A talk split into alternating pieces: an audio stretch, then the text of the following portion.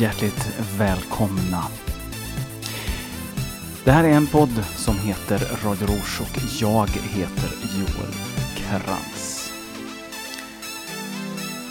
Jag har ju en tendens att eh, återkomma till samma ämnen. Och förra avsnittet eh, som ni hörde var ju ett bonusavsnitt tillsammans med Olivia för att fira att hon fyllde åtta år. Men avsnittet innan dess, det var ju ett, eh, ett vanligt program. Eh, och i det avsnittet så funderade jag på hur vi samtalar med varandra i kanske framförallt valrörelser. Och jag tänkte återknyta till det med ett avsnitt idag som hänger ihop lite och eh, på något sätt ändå knyter an till det. Har ni läst titeln redan så vet ni att det heter Stålgubbe. Eh, det tarvar en förklaring innan vi går in på själva diskussionen i sig. På svenska så säger vi ibland att man gör en halmgubbe av någonting. Vi, vi har egentligen inget bra ord för motsatsen, alltså ingen, inget motsatsord vad gäller själva gubben. Sådär, så. På engelska så pratar man om strawman, en halmgubbe, samma sätt givetvis. Eh, motsvarigheten, eller motsatsen eh, i engelskan är steelman. Så stålgubbe borde bli motsvarigheten eh, på svenska. Så vad betyder det här? Jo, och det här gör att dagens avsnitt kanske blir väldigt, väldigt kort. Eller så kommer jag tänka på en intressant sak som gör att jag spinner vidare på det. Vi får se, det kanske blir ett fyra minuters avsnitt. Okej, kanske inte fyra minuter för vi är redan uppe i två och ni ska lyssna på jingeln en gång till i slutet. Men ni förstår vad jag menar. När vi pratar med varandra så tenderar vi att försöka göra, om vi inte ska kalla dem för punchlines, så i alla fall att försöka vinna debatter. Det här pratade jag om senast. Och när vi försöker vinna en debatt, då är givetvis frågan, vem är det vi försöker vinna? Försöker vi vinna över motståndaren eller försöker vi också att en tredje part ska vinna? Och det här hänger ihop med debatt kontra samtal eller konversation eller diskussion. När vi gör det så är det ju kanske så att man försöker rikta in sig på argument som man tycker att man kan slå sönder, som man kan motbevisa. Och det är ju inget konstigt. För att vi ska kunna ha en konversation så måste vi ju lyssna på motståndarsidans argument och sen bemöta dem. Och det är ju väldigt rimligt att tänka att det vi gör är att vi lyssnar på deras argument och sen försöker vi att bemöta motståndarsidans argument. Men argumenten är ju olika kraftiga, olika starka. Och dels så är det naturligtvis så att motståndarsidan likväl som vi själva, vi tycker alla att vi har vissa argument som är starkare och andra som är svagare. Det är klart att man inte i en debatt vill låtsas som att några argument är svaga, men givetvis är vissa argument starkare än andra. Motståndarsidan kanske tycker att just de argumenten är ganska svaga, även om man själv tycker att argumenten är starka och bra. Så kanske motståndarsidan tycker att det här är de lätta argumenten att ta sönder. Men vad som är kanske ännu lite värre, det är just att gå in i den här inställningen att man ska försöka missförstå, misskreditera och sen försöka eh, göra sig lustig eller vinna på den andres bekostnad. Det här behöver inte vara dåligt. Om det görs på ett bra sätt så är det satir. Och satir är jätteviktigt. Eh, inte minst därför att det öppnar för de som kanske inte har tänkt så mycket på frågan eh, innan.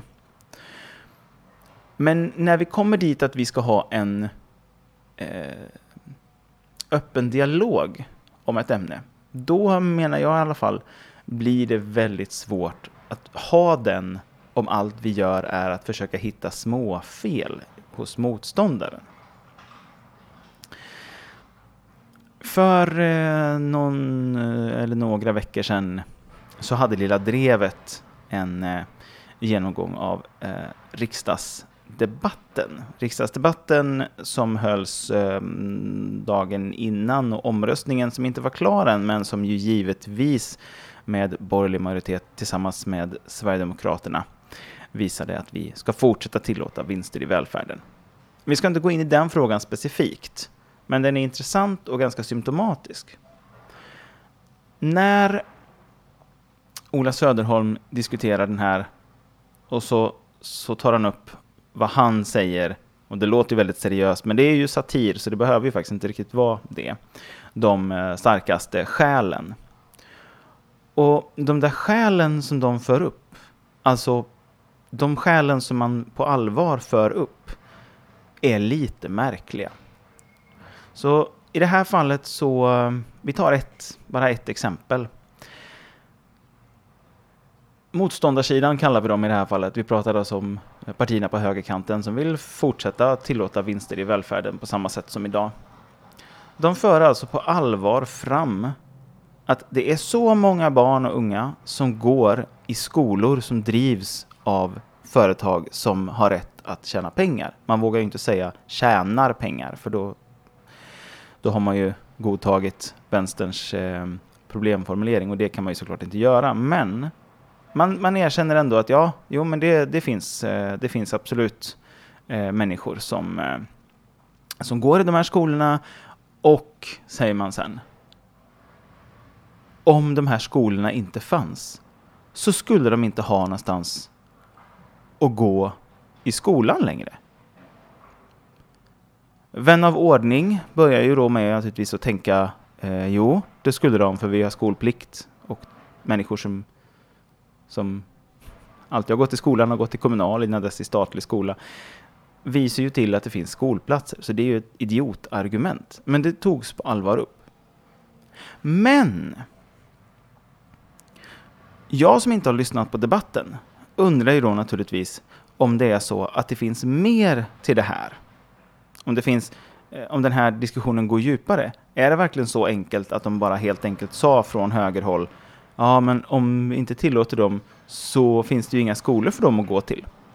Ungefär på samma sätt som när John Bauer-koncernen gick omkull och det plötsligt var eh, flera tusen elever som stod utan skola. Och det, det beror ju på att en koncern går omkull. Kommunala skolor går ju inte omkull på det sättet eftersom de inte plötsligt säger nej, nu har vi inte pengar, nu lägger vi ner. Men givet att, att det är ett seriöst argument som man, som man lyfter fram så måste man ju ändå fråga sig, fanns det något mer där bakom? Här är egentligen skillnaden mellan, mellan halmgubben och stålgubben. Då. Jag vet inte om Ola Söderholm i det här fallet har gjort ett strawman argument, ett halmgubbe-argument av högerns argument. Det vill säga, man förenklar det, man får att passa sitt eget narrativ, sitt eget sätt att, att, att uttrycka berättelsen i fråga. Och sen så, så svarar man på det. Jag, jag lämnar absolut um, Ola Söderholm både the benefit of the doubt. Jag låter honom absolut ha, ha sista ordet i frågan om huruvida det faktiskt är så, att det är så här enkelt. Ibland blir jag själv förvånad över vad den svenska högern kommer med för idiotgrejer. Men vi ska försöka att inte vara partipolitiska eller blockpolitiska ens precis nu. Utan frågan är ju just bara den. Gör vi en halmgubbe här? Och det är ett bra exempel, därför att utan att veta om det är en halmgubbe eller inte, så kan vi just föreställa oss det. Antingen så gör vi en halmgubbe av det. Vi hör talas om att högern påstår att om vi inte tillåter vinster i välfärden, då är det en massa barn som står utan skolplats. Ha, ha, ha, det är ju så idiotiskt så jag vet inte vad. Och vi gör, så att säga, vi, vi, vi eh, för det vidare. Då har vi inte fact-checkat och kollat upp. Eller så kollar vi om det finns någonting djupare bakom och så försöker vi besvara den frågan, den problemformuleringen, den funderingen. Och det är det som är eh, steel manning, som man säger på engelska. Det vill säga att man tar det svåraste och tyngsta argumentet. Eller att man ger motståndarsidan så mycket eh, att man faktiskt säger det här kan vara en intressant fråga att ta upp på det här sättet som de uttrycker och med den betydelsen. Och det tror jag att vi skulle behöva göra i mycket högre grad. För återigen, när vi tittar på debatter så är det just vad man säger. Om man inte pratar förbi varandra så står man där att man överhuvudtaget inte eh, lyssnar på varandra. Man bemöter varandras argument på ytan, men i själva verket så är det kanske snarare frågan om att man lyssnar efter punchlines och drämma till. Och så diskuterar 14-åringar. Det vill säga, så, så diskuterar faktiskt 14-åringar. Det är ganska få som kan ha en intellektuell vuxendiskussion, för man är 14, man är inte 22 än. Men det märkliga, det märkliga är när debattklimatet har gått så långt att det är den typen av diskussioner som premieras. När, när, när samtalsklimatet är sånt att det enda som funkar att göra, det är att bete sig som 14-åringar. Att leta efter en lucka och försöka smasha till för att tredje part ska tycka att man sa en smart grej. Det funkar ju inte, det är ju helt vansinnigt. Men precis, precis så är det faktiskt som jag upplever att man ofta gör saker och ting. Och det är klart att jag kan känna spontant att jag tycker att vänstern inte gör det lika mycket, men jag förstår också att det säkert i väldigt hög grad kan handla om att jag helt enkelt inte ser eller märker saker och ting som man kan tycka att man, man borde se eller märka. Och jag är öppen för att det givetvis kan vara på det sättet.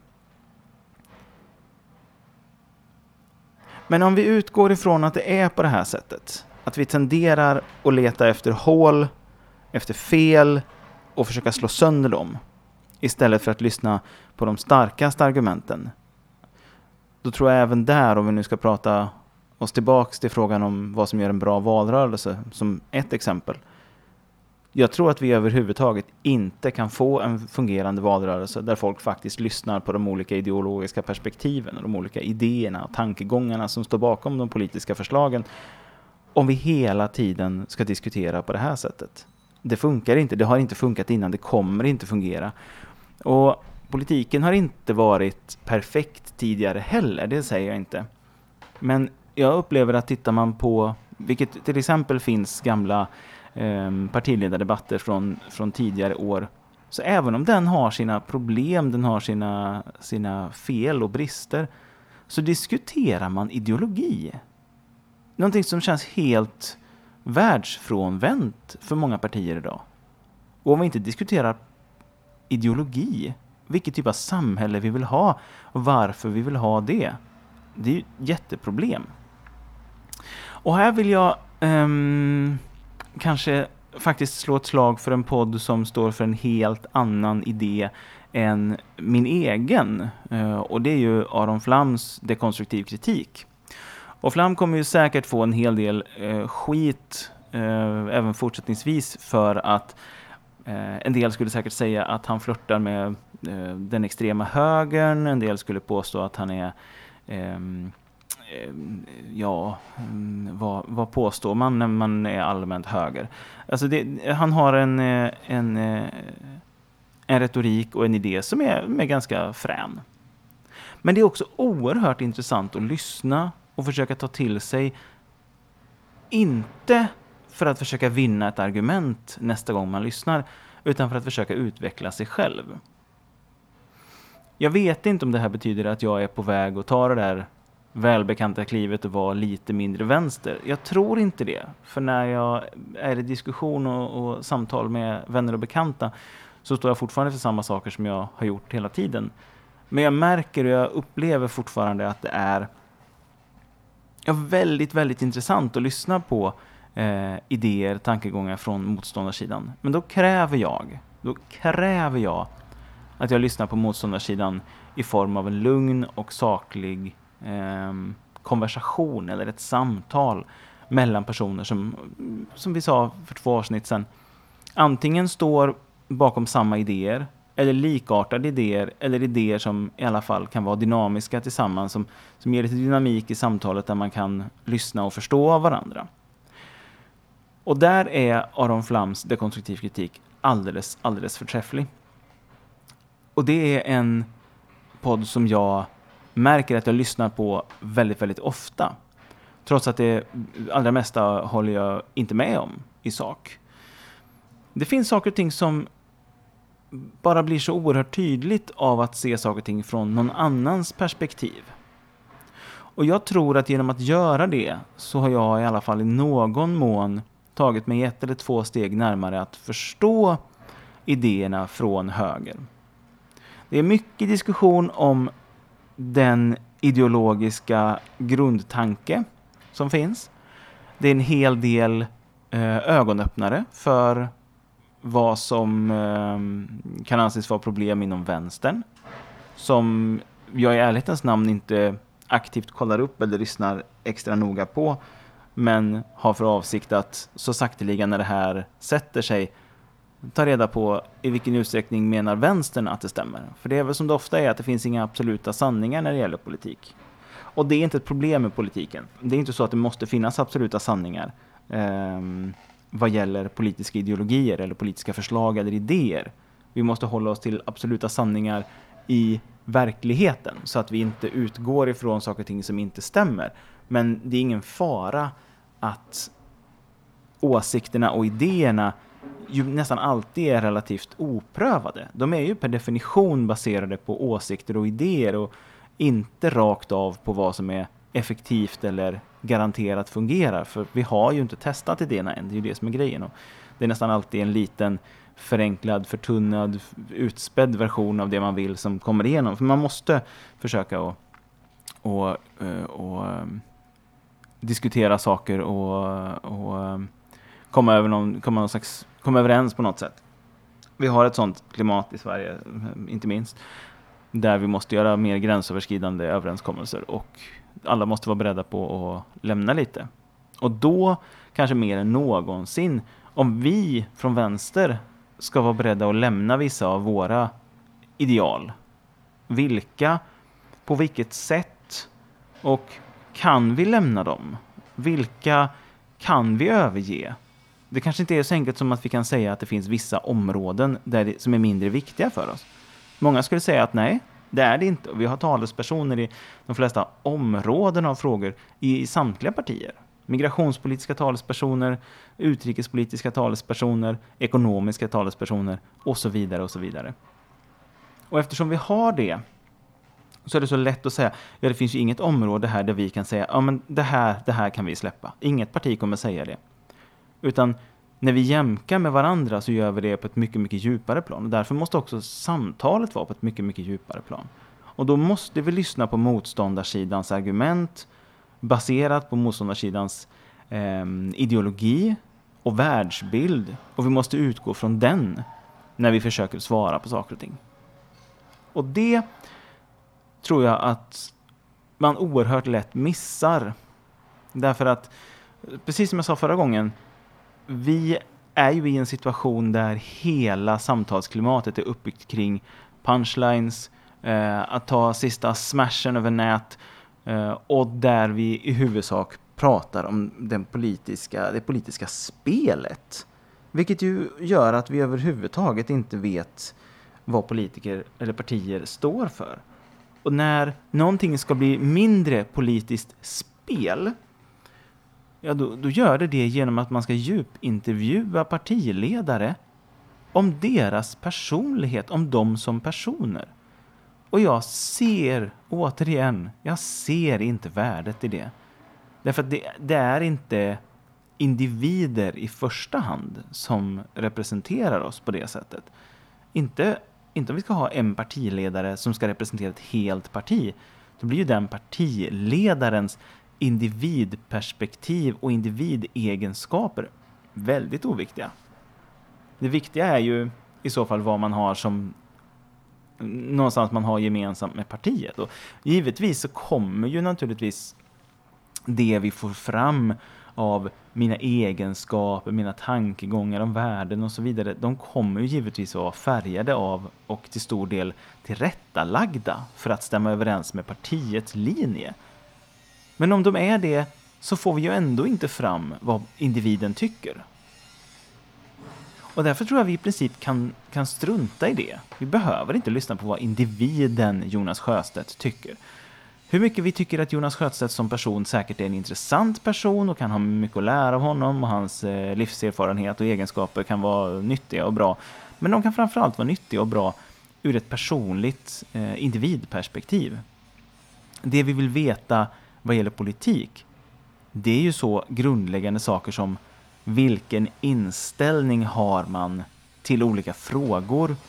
Vad är den grundläggande människosynen, samhällssynen som ligger till grund för den typ av politik som man vill föra? Och där tycker jag spontant, för att bli aningen partipolitisk ändå, att Vänsterpartiet eh, lyckas okej okay med det. Inte perfekt, för jag tycker återigen att även Vänsterpartiet lider av samma sak som alla andra partier, nämligen att man pratar mer om eh, det politiska spelet, man pratar väldigt mycket om titta här på alla reformer som vi har fått igenom. Och mm, även om man naturligtvis inte kan dras med oket av eh, att man stöttade kommunistiska diktaturer eh, Eh, så, så kan jag tycka att man eh, fortfarande kanske måste vara mer öppen och tala om de sakerna. Därför att de bakomliggande faktorerna som gjorde att man stödde diktaturer och vad vi kan lära oss av det och vad vi lär oss av att man inte gör det idag och att man istället stöder en mer frihetlig liberal vänster i andra delar av världen och hur det påverkar oss och hur det påverkar Vänsterpartiet. Det tror jag är just den typen av ideologisk diskussion som man behöver föra. Och jag tror överlag att många partier skulle tjäna på det. Därför att det skulle bli tydligare för deras väljare vad det är de står för. Däremot så tror jag att partierna på högerkanten gynnas mindre av det. Och ja, i och för sig, det gör inte att det är så många kvar. För ska jag vara helt ärlig så vet jag inte riktigt vad Miljöpartiet eller Socialdemokraterna står för längre. Det är två, det är två partier som verkar helt och hållet stå för, för medelklassens värderingar. Det verkar vara väldigt mycket tal om de, eh, de värden och värderingsfrågor som man har. Inte så mycket frågan om, om om ekonomisk politik längre. Man pratar inte fördelningspolitik på det sättet som man, som man gjorde förut. Och det här är subjektivt givetvis. Det, det, är naturligtvis så att människor kan kommentera och säga att men det här stämmer ju inte, du har ju helt fel i sak. Men det är fortfarande så att i samtal när man lyssnar så tycker jag att partier är väldigt dåliga på att diskutera politiska frågor ur ett ekonomiskt perspektiv baserat på den ideologi som man har. Men framförallt så tycker jag att högern verkligen behöver göra det. Eh, och det tycker jag inte därför att högern behöver bli mer transparent och tydlig för att fungera bättre. Eh, jag tror att högern i alla situationer skulle påstå sig vara väldigt, väldigt tydlig. Men jag tycker inte att den är det, för jag ser ingenting av högerideologi. Jag hör aldrig någonsin att man, att man pratar om individens eh, rättigheter och individens eh, perspektiv på det sättet som jag har lärt mig att den grundläggande konservatismen, liberalismen och nyliberalismen är eh, eh, på. Det är nästan aldrig någon som pratar om fördelarna med New Public Management eh, och det är nästan aldrig någon som diskuterar de här frågorna på djupet. Och det är möjligt att det finns i högerpoddar människor som diskuterar det här på djupet. Jag tycker än så länge av det jag har hört att det är väldigt mycket snack om saker och ting som ska låta bra i väljarnas öron för att välja ett parti till höger. Däremot så tycker jag när jag lyssnar på just Aron Flam att jag förstår bättre hur högern tänker. Det gör mig inte mer sugen på att rösta på högern. Jag blir inte lockad av det. Men jag börjar lära mig och förstå hur högern fungerar. Och Aron Flam har också själv varit öppen och tydlig med att han sympatiserar inte specifikt med något av partierna så att det går inte att omsätta det som han säger rakt av i ett specifikt parti. Men däremot så är ju det han säger ideologiskt mer knutet till höger än någonting av det som jag tycker att de politiska partierna till höger har sagt eller säger. Och för mig är det en väsentlig skillnad. För om jag ska kunna ta de argument som högern har och lyssna på dem ordentligt, då måste jag kunna lyssna på de argument som inte försöker smasha över, över nät och vinna en snabb fight mot vänstern i en debatt. Det vill säga, jag kan inte få ut de grundläggande värderingarna och de grundläggande tankegångarna hos högern genom att lyssna på partier på högerkanten.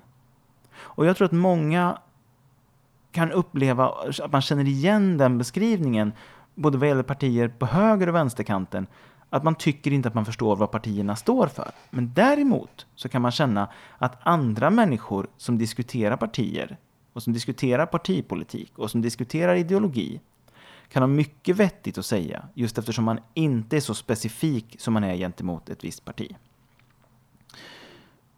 Jag sitter och grunnar på om jag ska försöka göra en, en serie på tre, fyra avsnitt här under sommaren för att eh, försöka gå igenom mina ställningstaganden inför valet. Jag tror jag ska göra det. Det får nog bli de närmaste avsnitten. Eh, hinner vi med fyra stycken? Juli, augusti, september. Det blir bara tre avsnitt. Vi får se om vi kan klämma in fyra. Avsnitt fram till valet i alla fall blir eh, avsnitt där jag ska försöka gå igenom min tankegång inför valet. Jag ska försöka sätta mig in i så noga som möjligt olika idéer och tankegångar. Och kanske också att vi grottar ner oss lite, lite grann i de två stora frågor som nu diskuteras att bli eh, valfrågorna i så fall. Och det är naturligtvis frågan om vinster i välfärden som ju i alla fall vänstern och Socialdemokraterna nu säger blir en valfråga och där man säger att man har jättemånga av eh, landets eh, befolkning med sig i den frågan och säger vi gör det till en valfråga. En, en, en stor majoritet säger nej. Även eh, en hel del på högerkanten säger nej till privata eh, aktörers vinster i välfärden. Men eh, det är ju den ena frågan. Det är den frågan som vänstern vill ska vara talande. Sen på andra sidan har vi naturligtvis Sverigedemokraterna som gärna vill fortsätta rida på vågen att vi diskuterar eh, invandring, eh, att vi diskuterar migrationspolitik generellt och att vi diskuterar eh, assimilations eller integrationspolitik specifikt. Och jag tänker att det är under så lång tid som vi har sagt att vi går eh, bara Sverigedemokraternas ärenden genom att diskutera det. Och det tror jag inte att vi gör, men vi går definitivt Sverigedemokraternas ärenden om vi diskuterar de ämnena med Sverigedemokraternas problemformulering. Så det ska vi definitivt inte göra.